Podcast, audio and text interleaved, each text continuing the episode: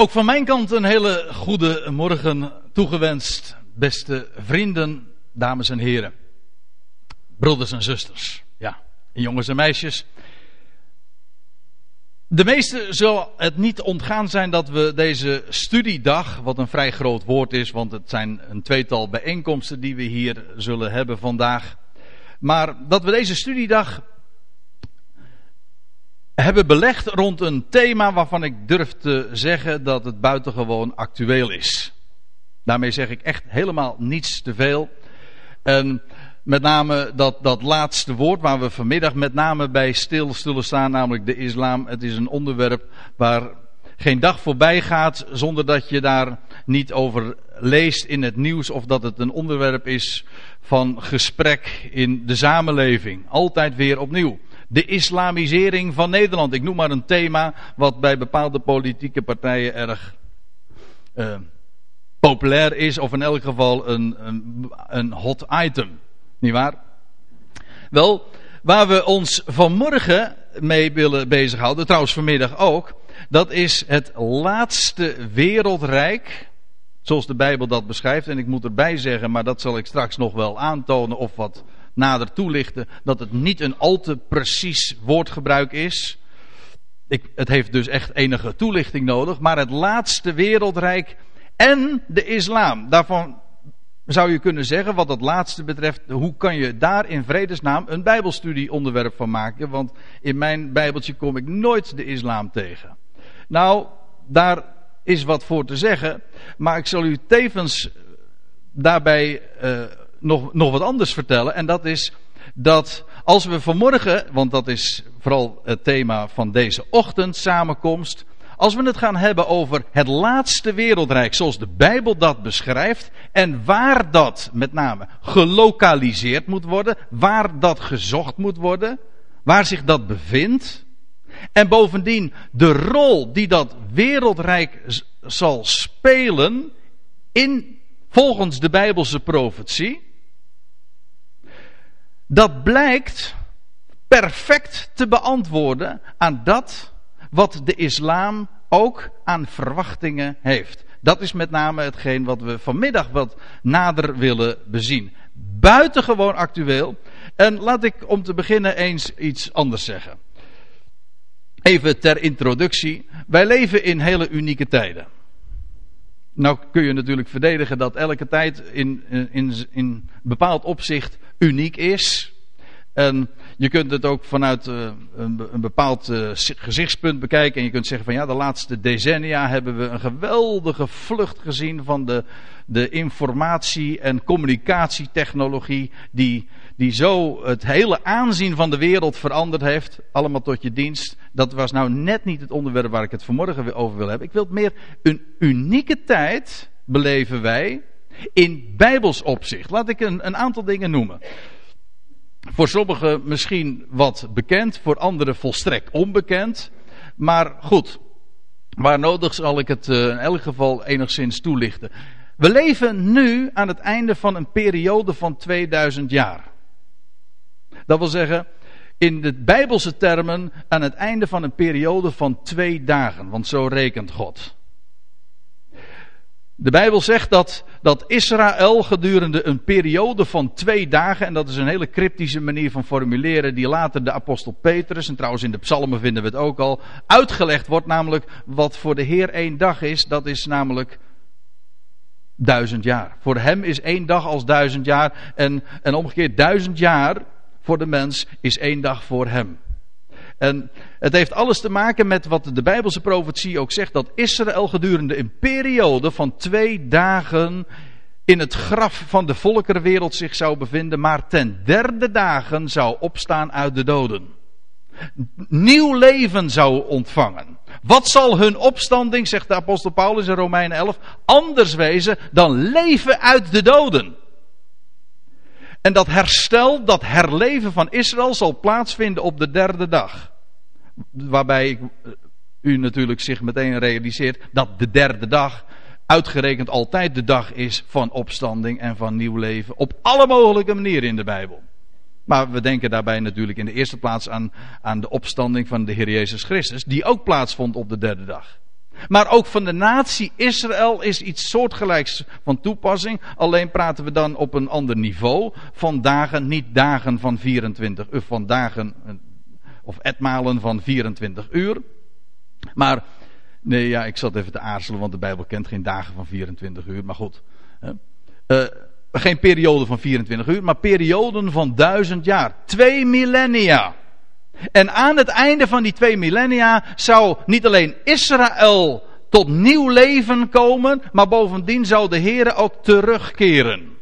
U vindt het allemaal in Hosea 6 heel expliciet zo beschreven.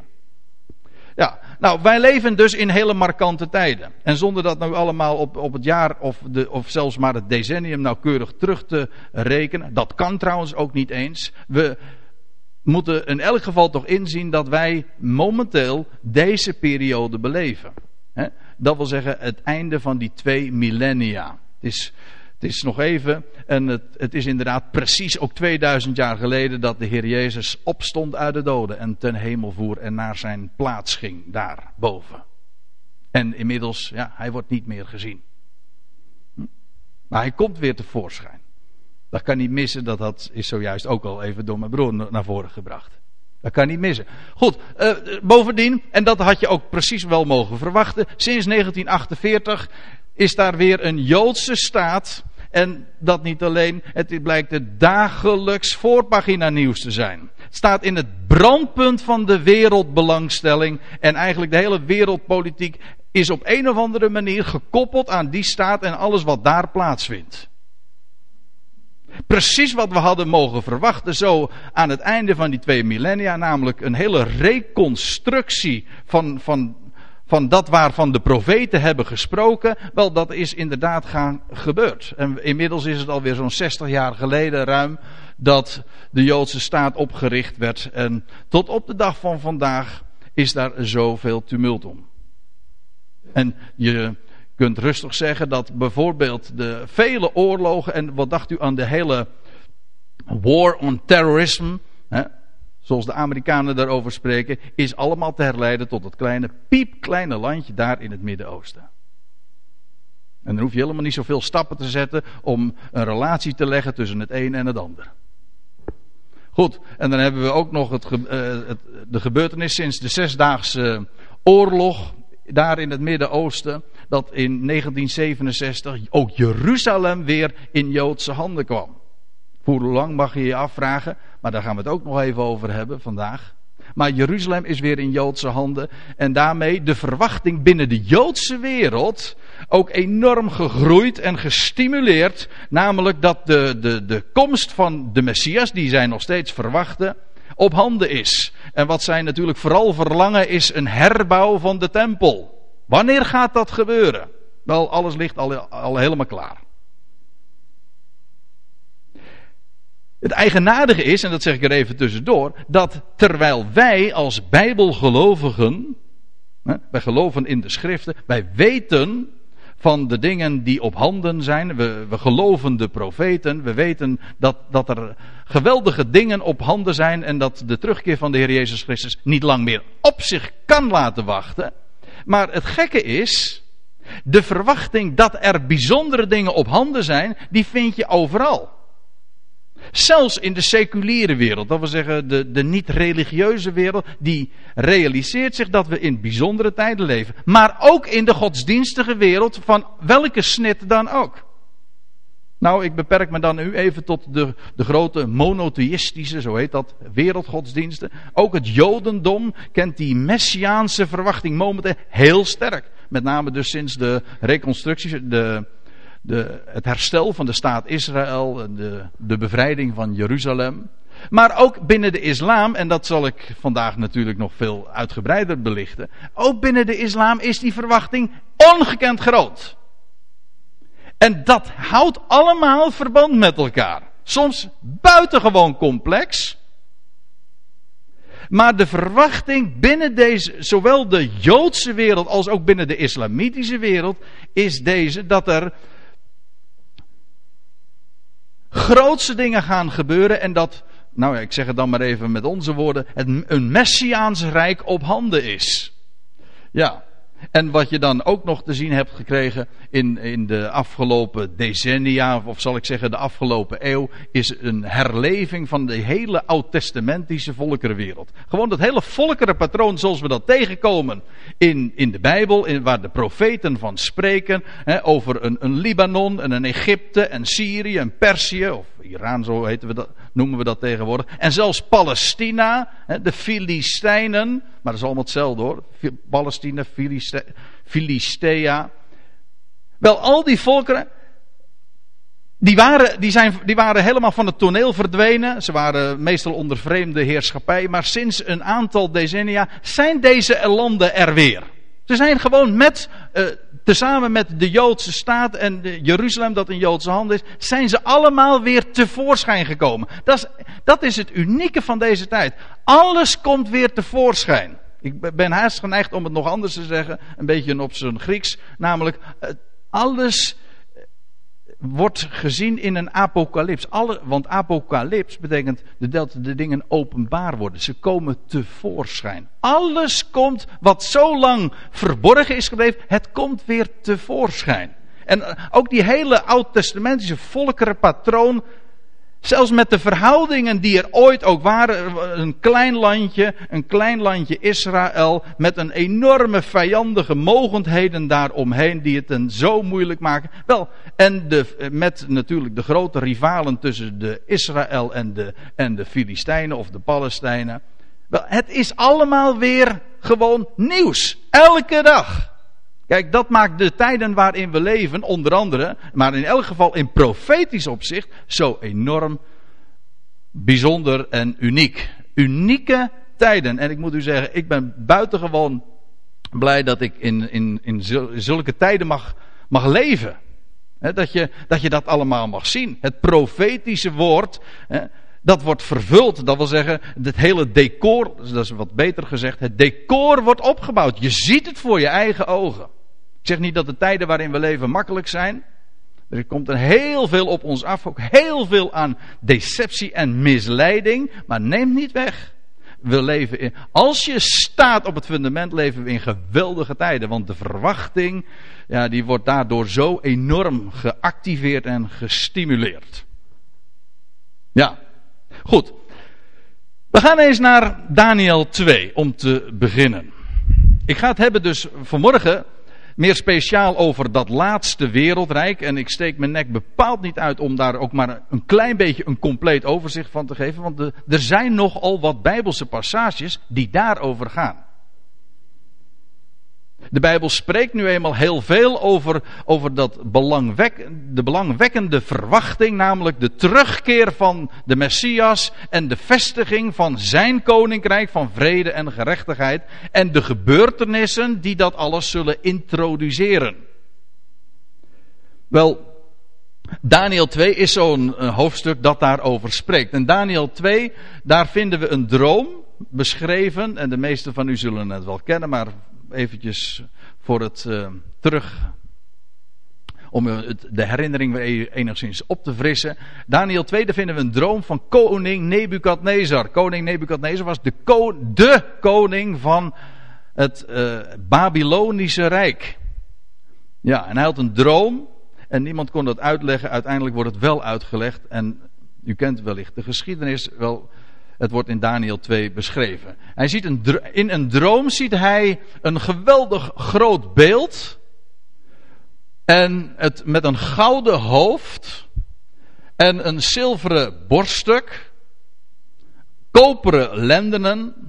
En ijzeren benen. Maar uh, het ondereind van die benen, dat wil zeggen de voeten en de tenen, zijn van ijzer vermengd met leem. Wel, dat ziet hij, maar de vraag is waar gaat het over? En Daniel legt dat uit in dit hoofdstuk.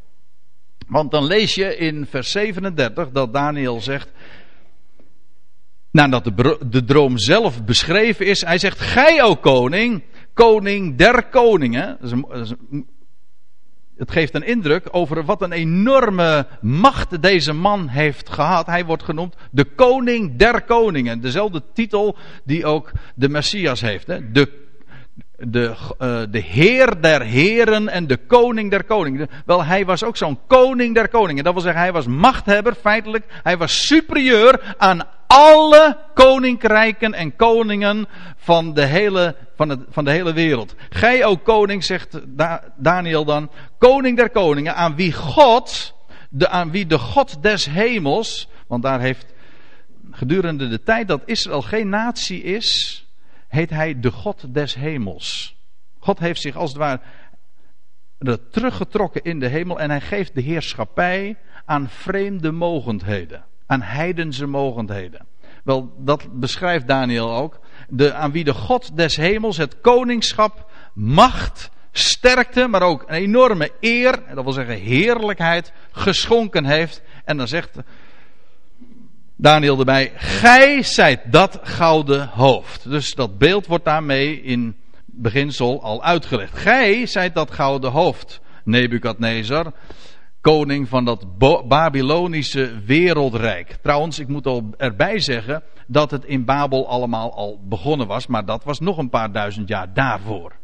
Na de, na de zondvloed in de dagen van Noach vindt daar weer de eerste uh, beschaving, hè? nou ja, voor zover je dat zo kunt noemen, in elk geval, daar uh, bouwen Noach en zijn familie uh, de eerste samenleving weer op. Daar in het Midden-Oosten. Daar begon het allemaal. En u weet, het is al gezegd in een heel ander verband, maar dat zie je altijd weer. De cirkel is rond, hè.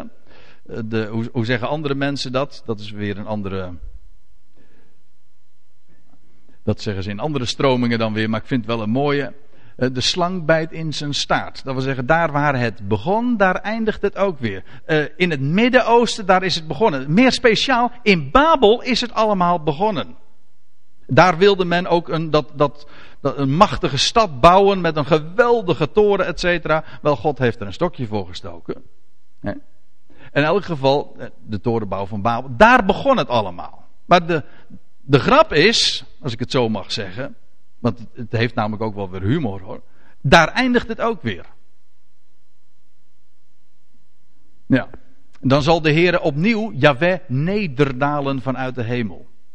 Zoals je dat ook al leest in Genesis 11. Afijn.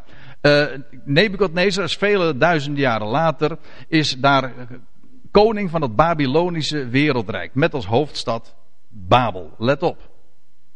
Dan staat er, doch na u, zegt Daniel, hij gaat verder dat beeld uitleggen, doch na u zal een ander koninkrijk ontstaan, geringer dan het uwe.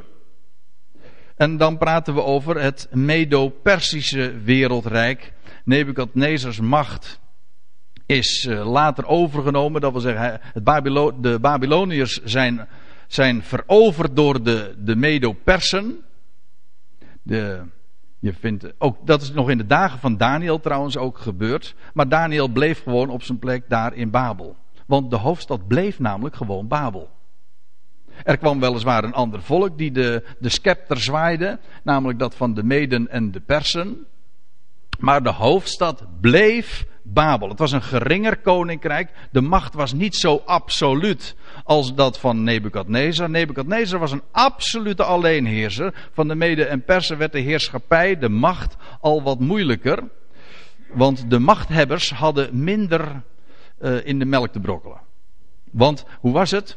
Uh, als zij eenmaal een wet hadden uitgevaardigd dan was zelfs degene die de wet had uitgevaardigd, de, de koning, daaraan onderworpen.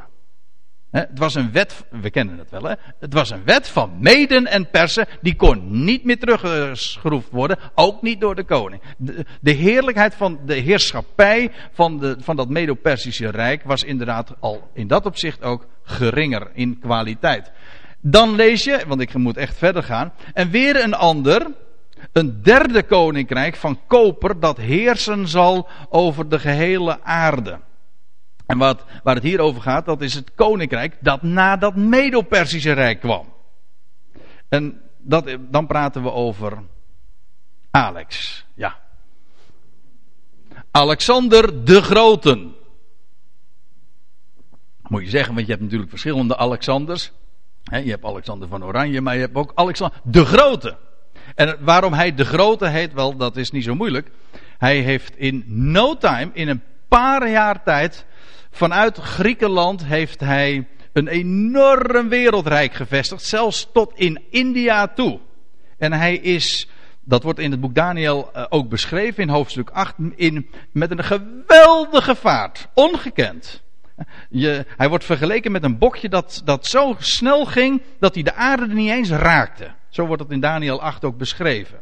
En is die doorgestoten naar, naar zelfs tot India toe. En heeft daar een gemachtig wereldrijk gevestigd. Maar toen kwam hij in Babel.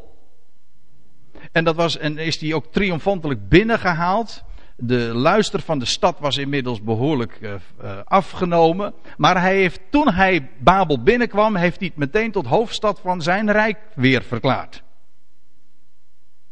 En hij zou de stad ook weer in, in, in glorie willen, uh, willen herstellen.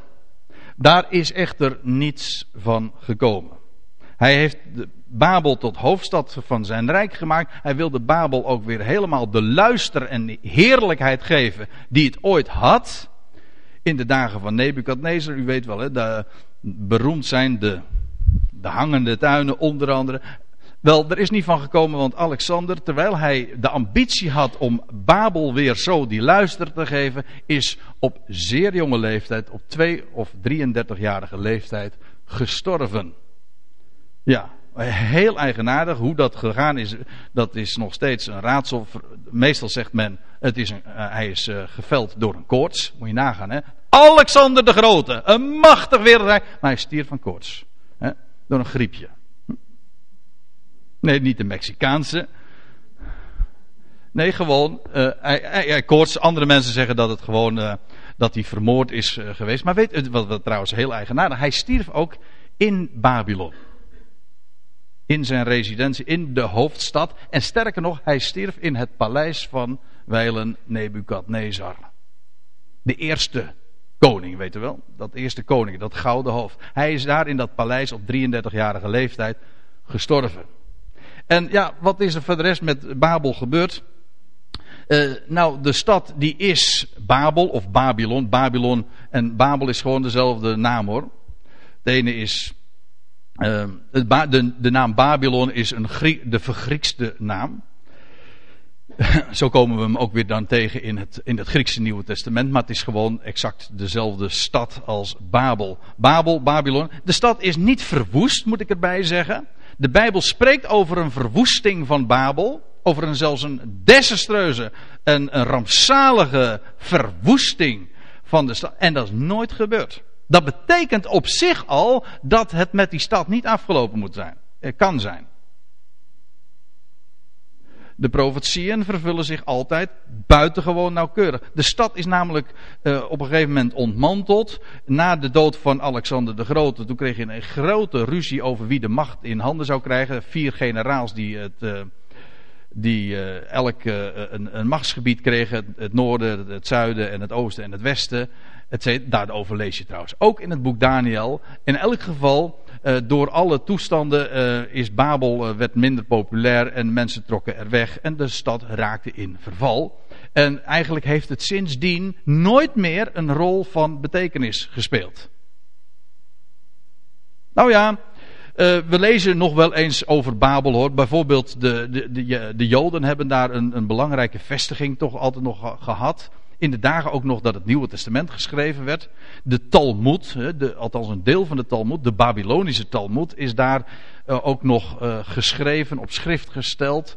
En we, recentelijk is de stad ook nog wel in het nieuws geweest. Misschien herinnert u zich ooit nog, nou ja, de, mensen die daar achterin zitten natuurlijk niet, hè, want uh, toen waren ze nog niet. Maar in 1982 of 81 heb je daar zo'n hele spectaculaire actie gehad van, van ehm, van de, van de Joden, van Israël, die daar een, die, de, dat noemen ze operatie Babylon, die Osirak, dat was een kernreactor daar in Irak, vlakbij waar Babel gelegen heeft, hebben ze toen plat gegooid. Dat was een hele spectaculaire actie destijds. Er is heel veel om te doen geweest. En uh, ze hebben op een uh, hele tactische manier hebben, heeft Israël toen via Saoedi-Arabië heeft toen uh, die kernreactor, want ze waren bang dat het een nucleaire mogendheid zou worden en atoomwapens zou maken. Hetzelfde probleem wat toen speelde in verband met Irak speelt nu met Iran. Ja, dat het een, een, een nucleaire mogendheid zou worden. Afijn, dat uh, noemden ze operatie Babylon omdat die kernreactor niet ver van de, de, de legendarische stad verwijderd was. Ja, en dan heb je de laatste jaren is het zo af en toe, ook in het nieuws, nieuws niet al te prominent, maar de, toen uh, Amerika zich daar heeft gevestigd, of uh, pardon, toen Amerika uh, zich daar zo in het Midden-Oosten zich heeft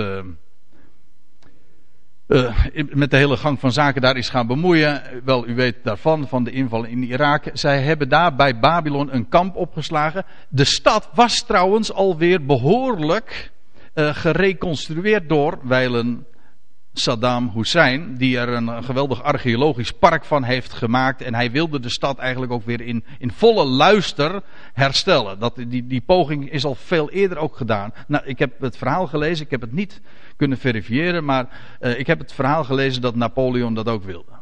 Maar het was gewoon te vroeg, het was nog niet de tijd. En Nebukadnezar wilde ook Babel in ere herstellen.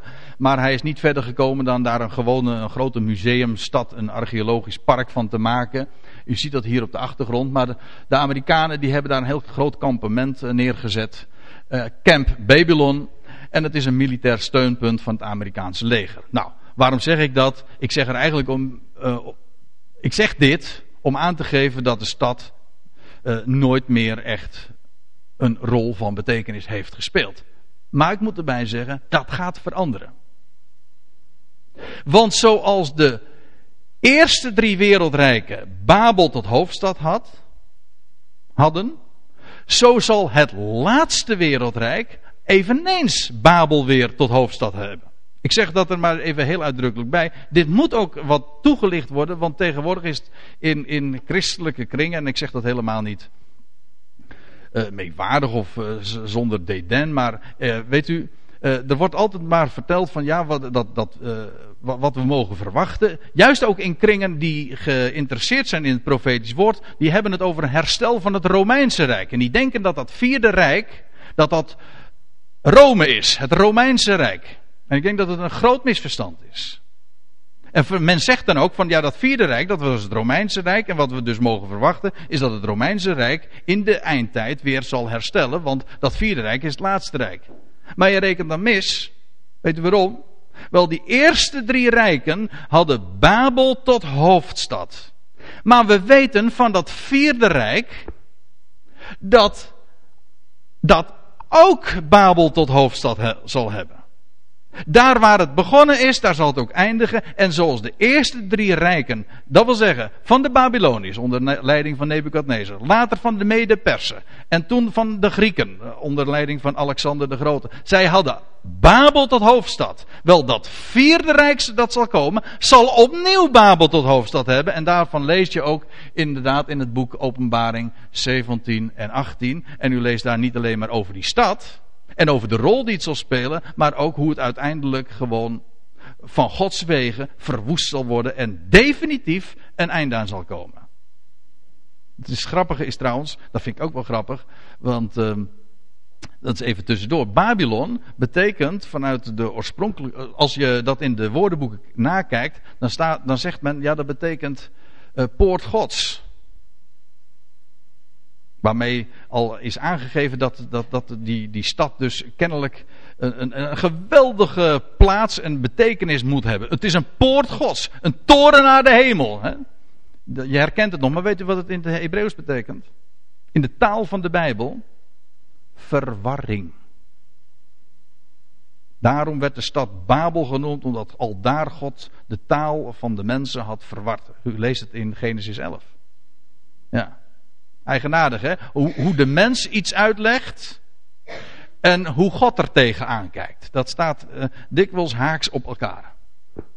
Maar uh, ik zei al, dat laatste wereldrijk zal ook Babel tot hoofdstad hebben. En dat, uh, het is de grote stad zoals die beschreven wordt in deze hoofdstukken van openbaring. En weet u wat het nou, wat dat alles bevestigt? Kijk, in openbaring 17 en 18. Moet u dat maar eens nakijken.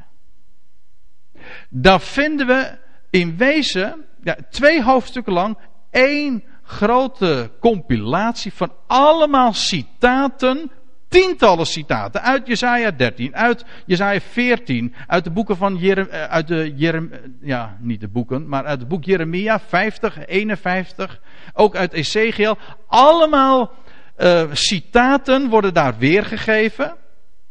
Die gaan over de concrete, letterlijke stad Babel en over hoe van Gods wegen deze stad ook verwoest zal worden.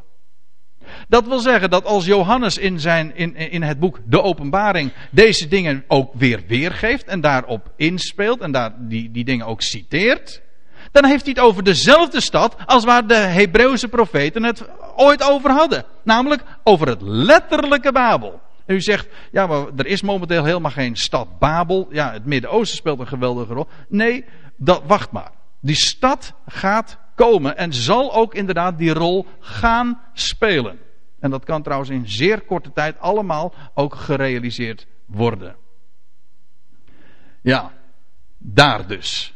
Ik bedoel dit te zeggen dat dat laatste wereldrijk moet niet hier gezocht worden in Europa, zoals zo vaak gedacht en gezegd wordt. Nee, het moet hier gezocht worden. In het Midden-Oosten. Waar ook dat Babylonische Rijk, het Medo-Persische Rijk, het Griekse Rijk. Wel, ook dat laatste wereldrijk is, bevindt zich hier. Met deze stad Babel of Babylon als hoofdstad. Ja. En dat wordt dan ook beschreven in, in Daniel 4. Pardon, in Daniel 2. En dan staat er nog bij in vers 40. En een vierde koninkrijk zal hard zijn uh, als ijzer, juist zoals ijzer alles verbrijzelt. Ik moet dus erbij zeggen, maar daar zullen we het vanmiddag nog wel even over hebben. Dat je dan al gauw denkt, inderdaad, aan, aan een keiharde wetgeving, aan een ijzeren heerschappij, zoals, de, de, zoals, zoals men in die landen inderdaad ook op dit moment kent. Kei en keihard de, uh, de wetgeving en de. En trouwens ook een, een heerschappij die hard is. Weet je wat nou zo eigenaardig is? Het wordt vermengd, staat er dan. Nog even, even verder in vers 42. Ik, uh, ik ga er een beetje snel doorheen.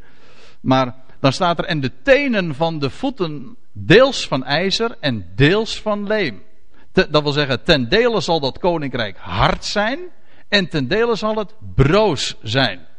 Ja, ik vind het een beetje moeilijk, zal ik u zeggen, om deze dingen even in goede orde te vertellen, want er komt namelijk zoveel in mijn hoofd nu op.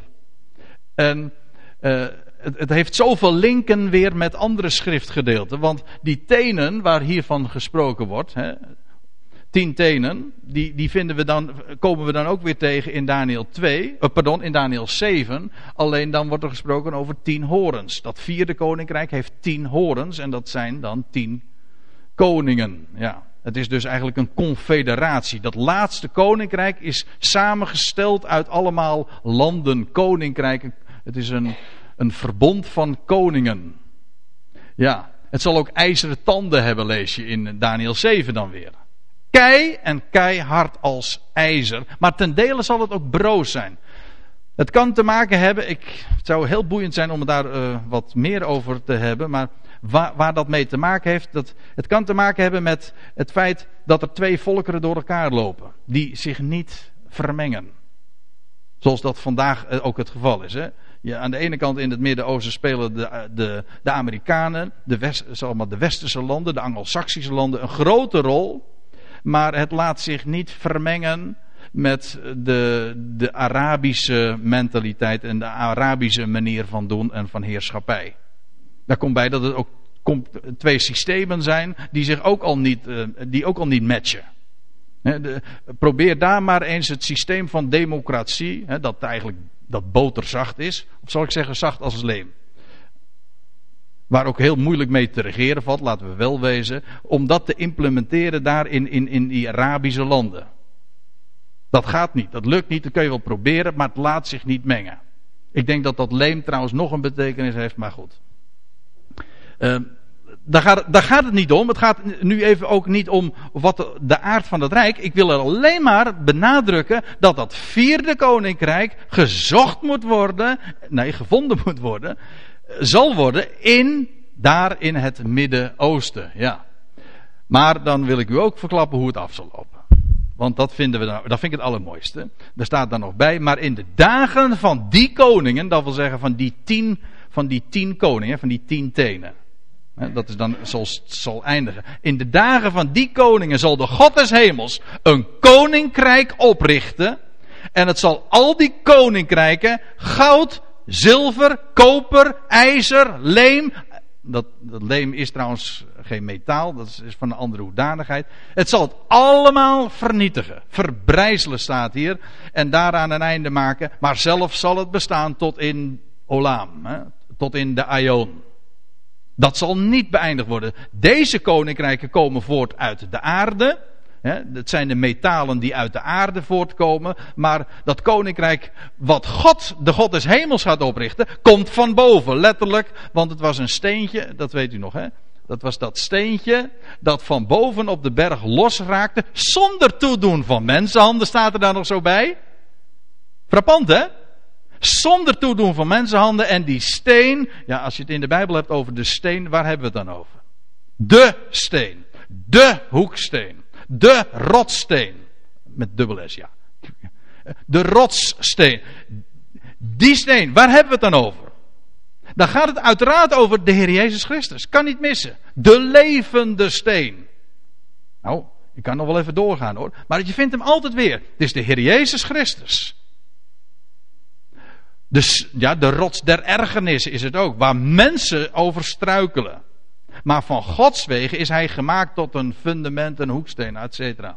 Maar goed, God zal te zijner tijd een einde maken aan alle menselijke heerschappij. En dat laatste koninkrijk dat daar in het Midden-Oosten zal komen, met Babel als hoofdstad. Wel, God gaat daar op zijn wijze een einde maken, zonder toedoen van menshanden. Ik moet dan meteen denken trouwens aan een geschiedenis in de Bijbel waar je iets soortgelijks vindt. Waar ook een, waar ook een, enorm, waar een, ja, een enorme reus, een reus is altijd enorm, dat weet ik. Hè, een, een, een, een reus geveld werd door een steentje. Ja, dat was ook een vijfde trouwens. Ja. Ja, nou heb ik het over David, hè, die een steentje koos. Ja, maar hij moest er vijf hebben. Waarom? Hij had die vijfde namelijk nodig. En dat vijfde steentje, dat heeft die Filistijn, of zal ik zeggen, de Palestijn van de eindtijd. Nou ja, ik loop nu een beetje op de dingen vooruit. Maar hij zal hem vellen. De, de, nou, nou, nou, gooi ik helemaal de dingen door elkaar. Ik, de, David de, heeft de reus inderdaad geveld door dat steentje. Wel, dat gaat er gebeuren. Wat, wat lezen we trouwens over die, die reus? Goliath, heb ik het uiteraard over. Hè? Over Goliath, daar lezen we van dat hij had uh, een koperen lans. Hoe staat het er precies? En uh, hij had een ijzeren schild. Ik weet niet meer exact hoe het staat. Maar in ieder geval koper en ijzer speelt een grote rol. Trouwens, uh, en, en, en 666 blijkt in, zijn, in de beschrijving ook nog een grote rol te spelen. Ja. Ja, is het allemaal toevallig hoor, zeggen dan mensen. Dat heeft verder geen betekenis. Maar ja, als je natuurlijk gelooft in de schrift en, en, je, en je, je, ziet dat en je vergelijkt, je vergelijkt schrift met schrift, dan, dan springt het als het ware gewoon uh, van, van het papier af. Dan zie je dat gewoon. Je ziet dan de gelijkenissen. Dan zeg je van ja, dat is dezelfde auteur die Daniel, wat Daniel heeft opgetekend en wat je leest in de geschiedenis van David en Goliath. Ik wilde maar dit zeggen. Wat David ooit deed met de Filistijn zal de zoon van David, die jongen, de man inderdaad uit Bethlehem, straks doen met de reus, dat beest van de eindtijd. Want zo noemt de Bijbel hem dan ook nog. Niet al te aardig, maar goed. Zo zal daar een eind aan komen. Ja. Ja, dan moeten we het over nog iets anders hebben. Uh, ook ter ondersteuning van het punt wat ik nu vanmorgen wil maken. Namelijk dat we dat laatste wereldrijk in het Midden-Oosten moeten zoeken. Dat, dan gaan we naar Psalm 83 toe. Ik heb het genoemd het anti-Sionistisch pact in Psalm 83. Dat klinkt wat, uh, wat vreemd misschien als u dat zo leest. Maar toch, uh, als je de psalm leest, dan, dan, dan kom je niet, ontkom je niet aan die indruk dat het inderdaad om een anti-Sionistisch uh, strijd gaat, maar bovendien om een pact, een verbond. Dat staat er namelijk gewoon. En dit is allemaal ook uh, een introductie voor wat ik vanmiddag wil laten zien. Kijk, als we inderdaad het laatste wereldrijk, ik, ik, bepaal uw aandacht er nu nog een keertje opnieuw bij. Als dat laatste wereldrijk inderdaad in Babel, of pardon, in het Midden-Oosten gezocht moet worden. En bovendien als kenmerk zal hebben, en dat wil ik u vanuit deze psalm laten zien. Dat het gericht is tegen de Joodse staat en tegen de woonsteden van God, wel, dan zul je ook zien, uh, dan zul je ook geen moeite meer hebben om dan vervolgens dat te kunnen invullen uh, wie daarvoor vandaag in aanmerking komen. Wie zou die rol kunnen gaan spelen? Goed. Psalm 83, vers 2. Daar staat: O God, hou u niet stil, zwijg niet, blijf niet werkeloos, o God. Er komt een tijd dat inderdaad God weer gaat spreken. Tot op de dag van vandaag lezen we dat God zwijgt. Hij laat niet van zich horen. Hè, en dat wordt hem hoogst kwalijk genomen, toch? Dat God niet werkt. Waar is God nou? Nou, God is inderdaad een God in het verborgene. Hij zwijgt. In zijn liefde staat er in de profeten ook nog ergens. Hij zwijgt. Hij laat niet van zich horen. Maar er komt een dag dat het zwijgen, het stilzwijgen zal worden doorbroken. En dat hij inderdaad zal gaan spreken. De psalmen spreken, spreken daar ook over, ja. Bijvoorbeeld, Psalm 2, dan, zal, dan gaat God spreken in zijn toorn, ja. Nu zwijgt hij in zijn liefde dan, en dan gaat hij orde op zaken stellen. Want op het moment dat, dat God inderdaad zich zal gaan bemoeien met het wereldgebeuren. Terwijl hij nu in als de God des hemels zich teruggetrokken heeft. Dan gaat hij zich actief bemoeien. En als strijdheer. Als krijgsheld gaan optreden in het wereldgebeuren. Wel, dan zal hij zich inderdaad niet langer stilhouden, niet langer zwijgen, niet werkeloos toekijken. Want staat er, er staat er dan in deze psalm, want zie uw vijanden tieren en uw haters steken het hoofd op. En, en dan, wat, wat lees je dan? Wel, zij, wat doen ze dan? Zij smeden een listige aanslag tegen uw volk. En beraadslagen tegen uw beschermelingen. Dat wil zeggen het volk waar God zijn naam aan verbonden heeft. Het, God, het volk waar God zijn belofte aan gegeven heeft. Puur om niet. Niet omdat zij het verdienen, maar gewoon omdat God ooit zijn belofte heeft gegeven aan Abraham. En hij heeft, heeft belofte gegeven aangaande het land. En God houdt zich aan dat, aan, aan dat woord. Wel, er komt een dag, ja, daar hebben we zojuist van gezongen. Er komt een dag. Maar er komt een dag dat God niet langer zal stilzwijgen. Waarom? Omdat de nood zo groot wordt en er, er een listige aanslag tegen het, het volk, antisemitisme. Wat dacht u daarvan? Dat is niet iets van, van vandaag of gisteren, dus ook niet iets van, van, van de laatste eeuw.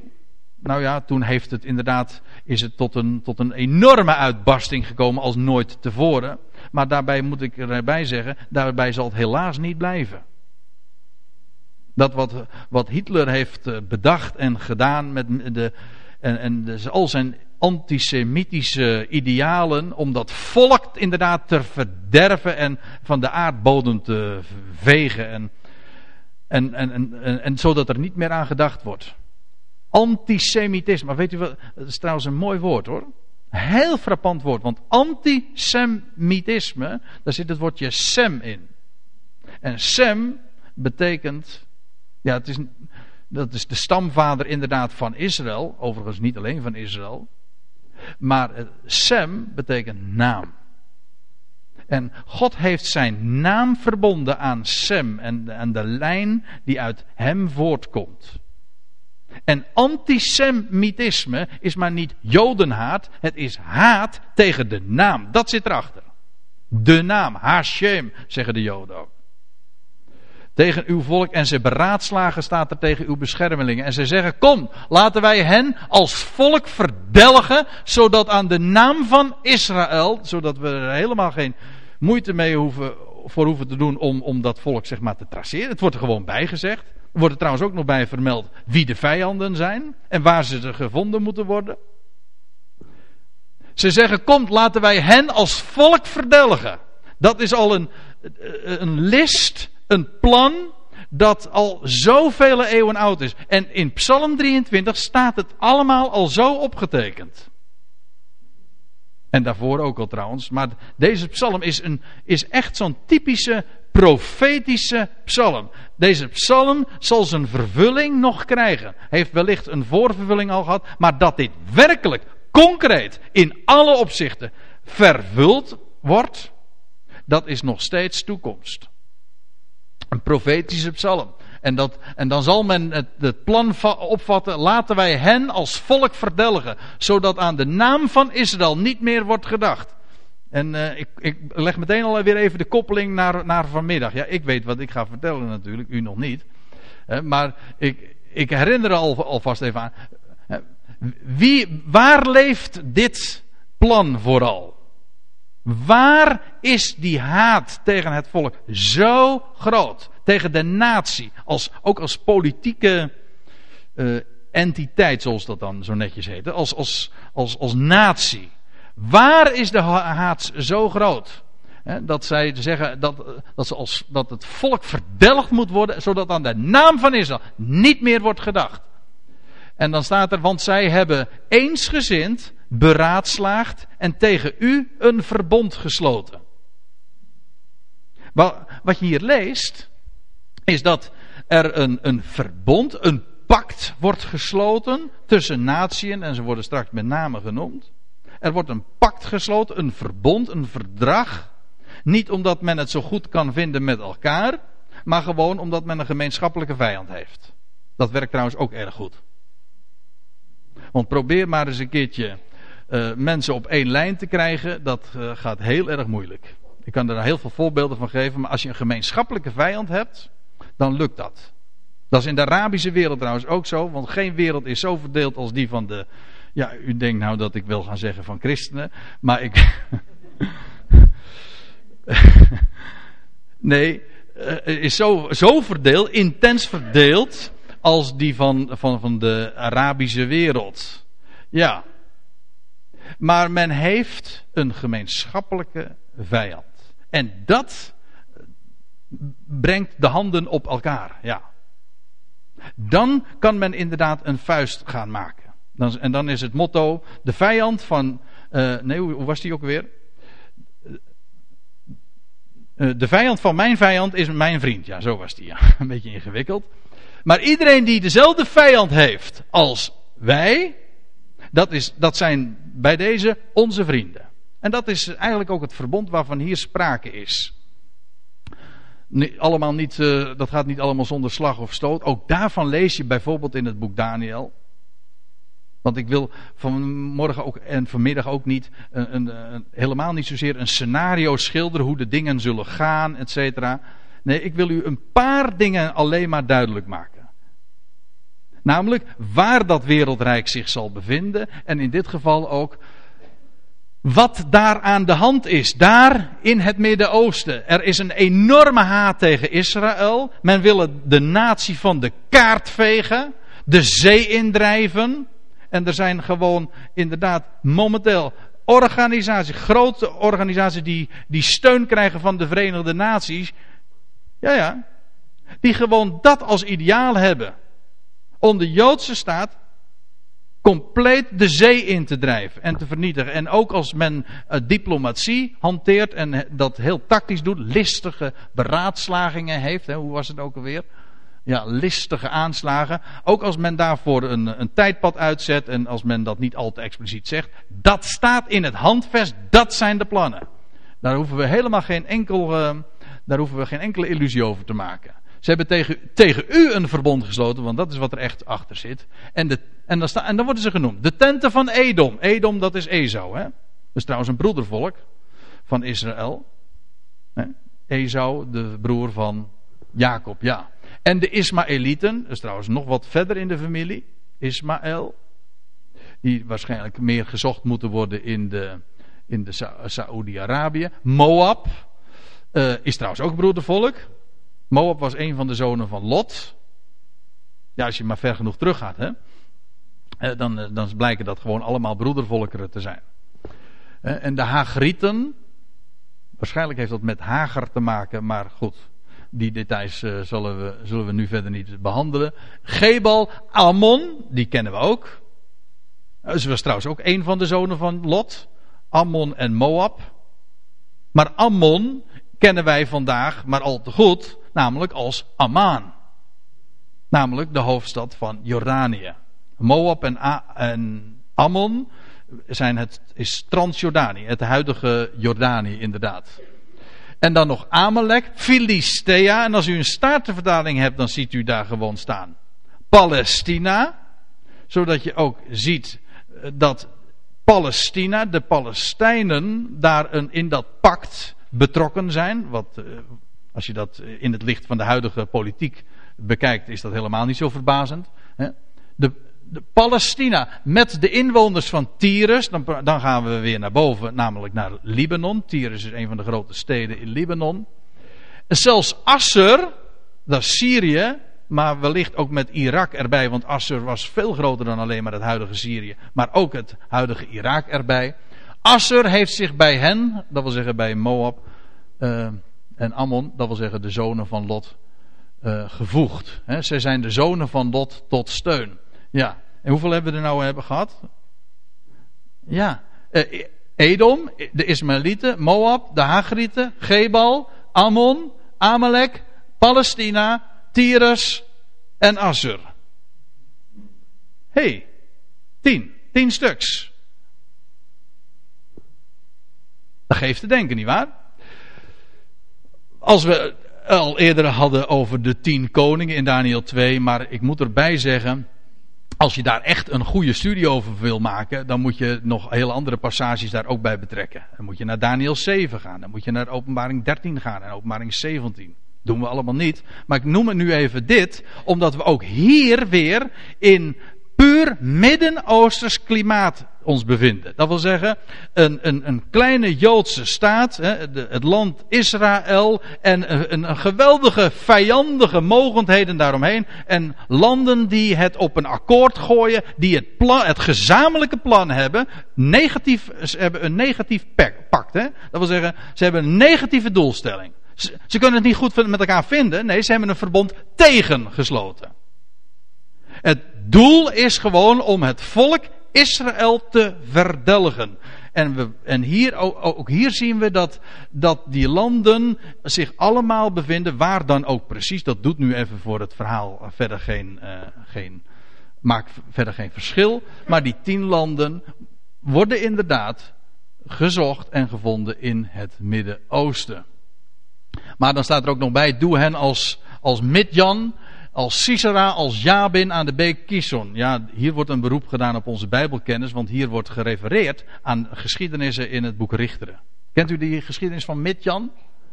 Van, van, van Midjan, Midian. Dat, dat was trouwens, dat vond plaats, een strijd plaats in de vlakte van Israël. Harmageddon.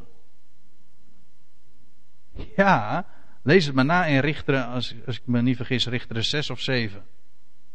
En dan nog iets. Dat was in onder leiding van Gideon. Met een geweldige leger, weet u nog? Ja, uiteindelijk 300 man, maar daar ging het helemaal niet om. Want het is helemaal niet door macht en door geweld, maar God zegt: ik doe, ik doe het. En daar heb ik helemaal geen mensen voor nodig. En uiteindelijk bleek de strijd dan helemaal ook niet eens met zwaarden beslecht te worden. Maar gewoon met, met lichtfakkels en aardekruiken. En die werden tegen elkaar gegooid. Ja, dat zijn mooie dingen hoor. Zo, zo ging dat. En werd dat in complete verwarring achtergelaten. En zo werd Midian verslagen. Door die gerste koek die van boven kwam rollen. Ja, ik zie sommige mensen ja knikken. Ja, dan denk ik weer aan dat steentje dat van boven kwam rollen. Maar nou ja. Hè? Hele eigenaardige dingen. De dingen grijpen allemaal in elkaar. Je zou haast zeggen dat de Bijbel uiteindelijk maar één auteur heeft. Hè? Ja, of als Sisera, als Jabin. Ja, dat is, weer, dat is de geschiedenis van Deborah. Dat was ook een, dat ook een mooi verhaal trouwens hoor. Nou ja, uh, of het zich erg leent om aan tafel te lezen, daar is het in, in sommige passages toch wel erg uh, gruwelijk voor, moet ik zeggen. Maar het spreekt wel tot de verbeelding, ja. Ach, en tegenwoordig, we zijn wel wat gewend hè, als je naar de televisie kijkt. En alle beelden ziet.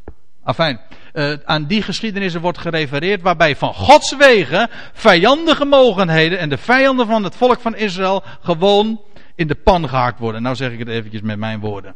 En uh, dat blijkt aardig ter zake te zijn, want moet u maar eens lezen.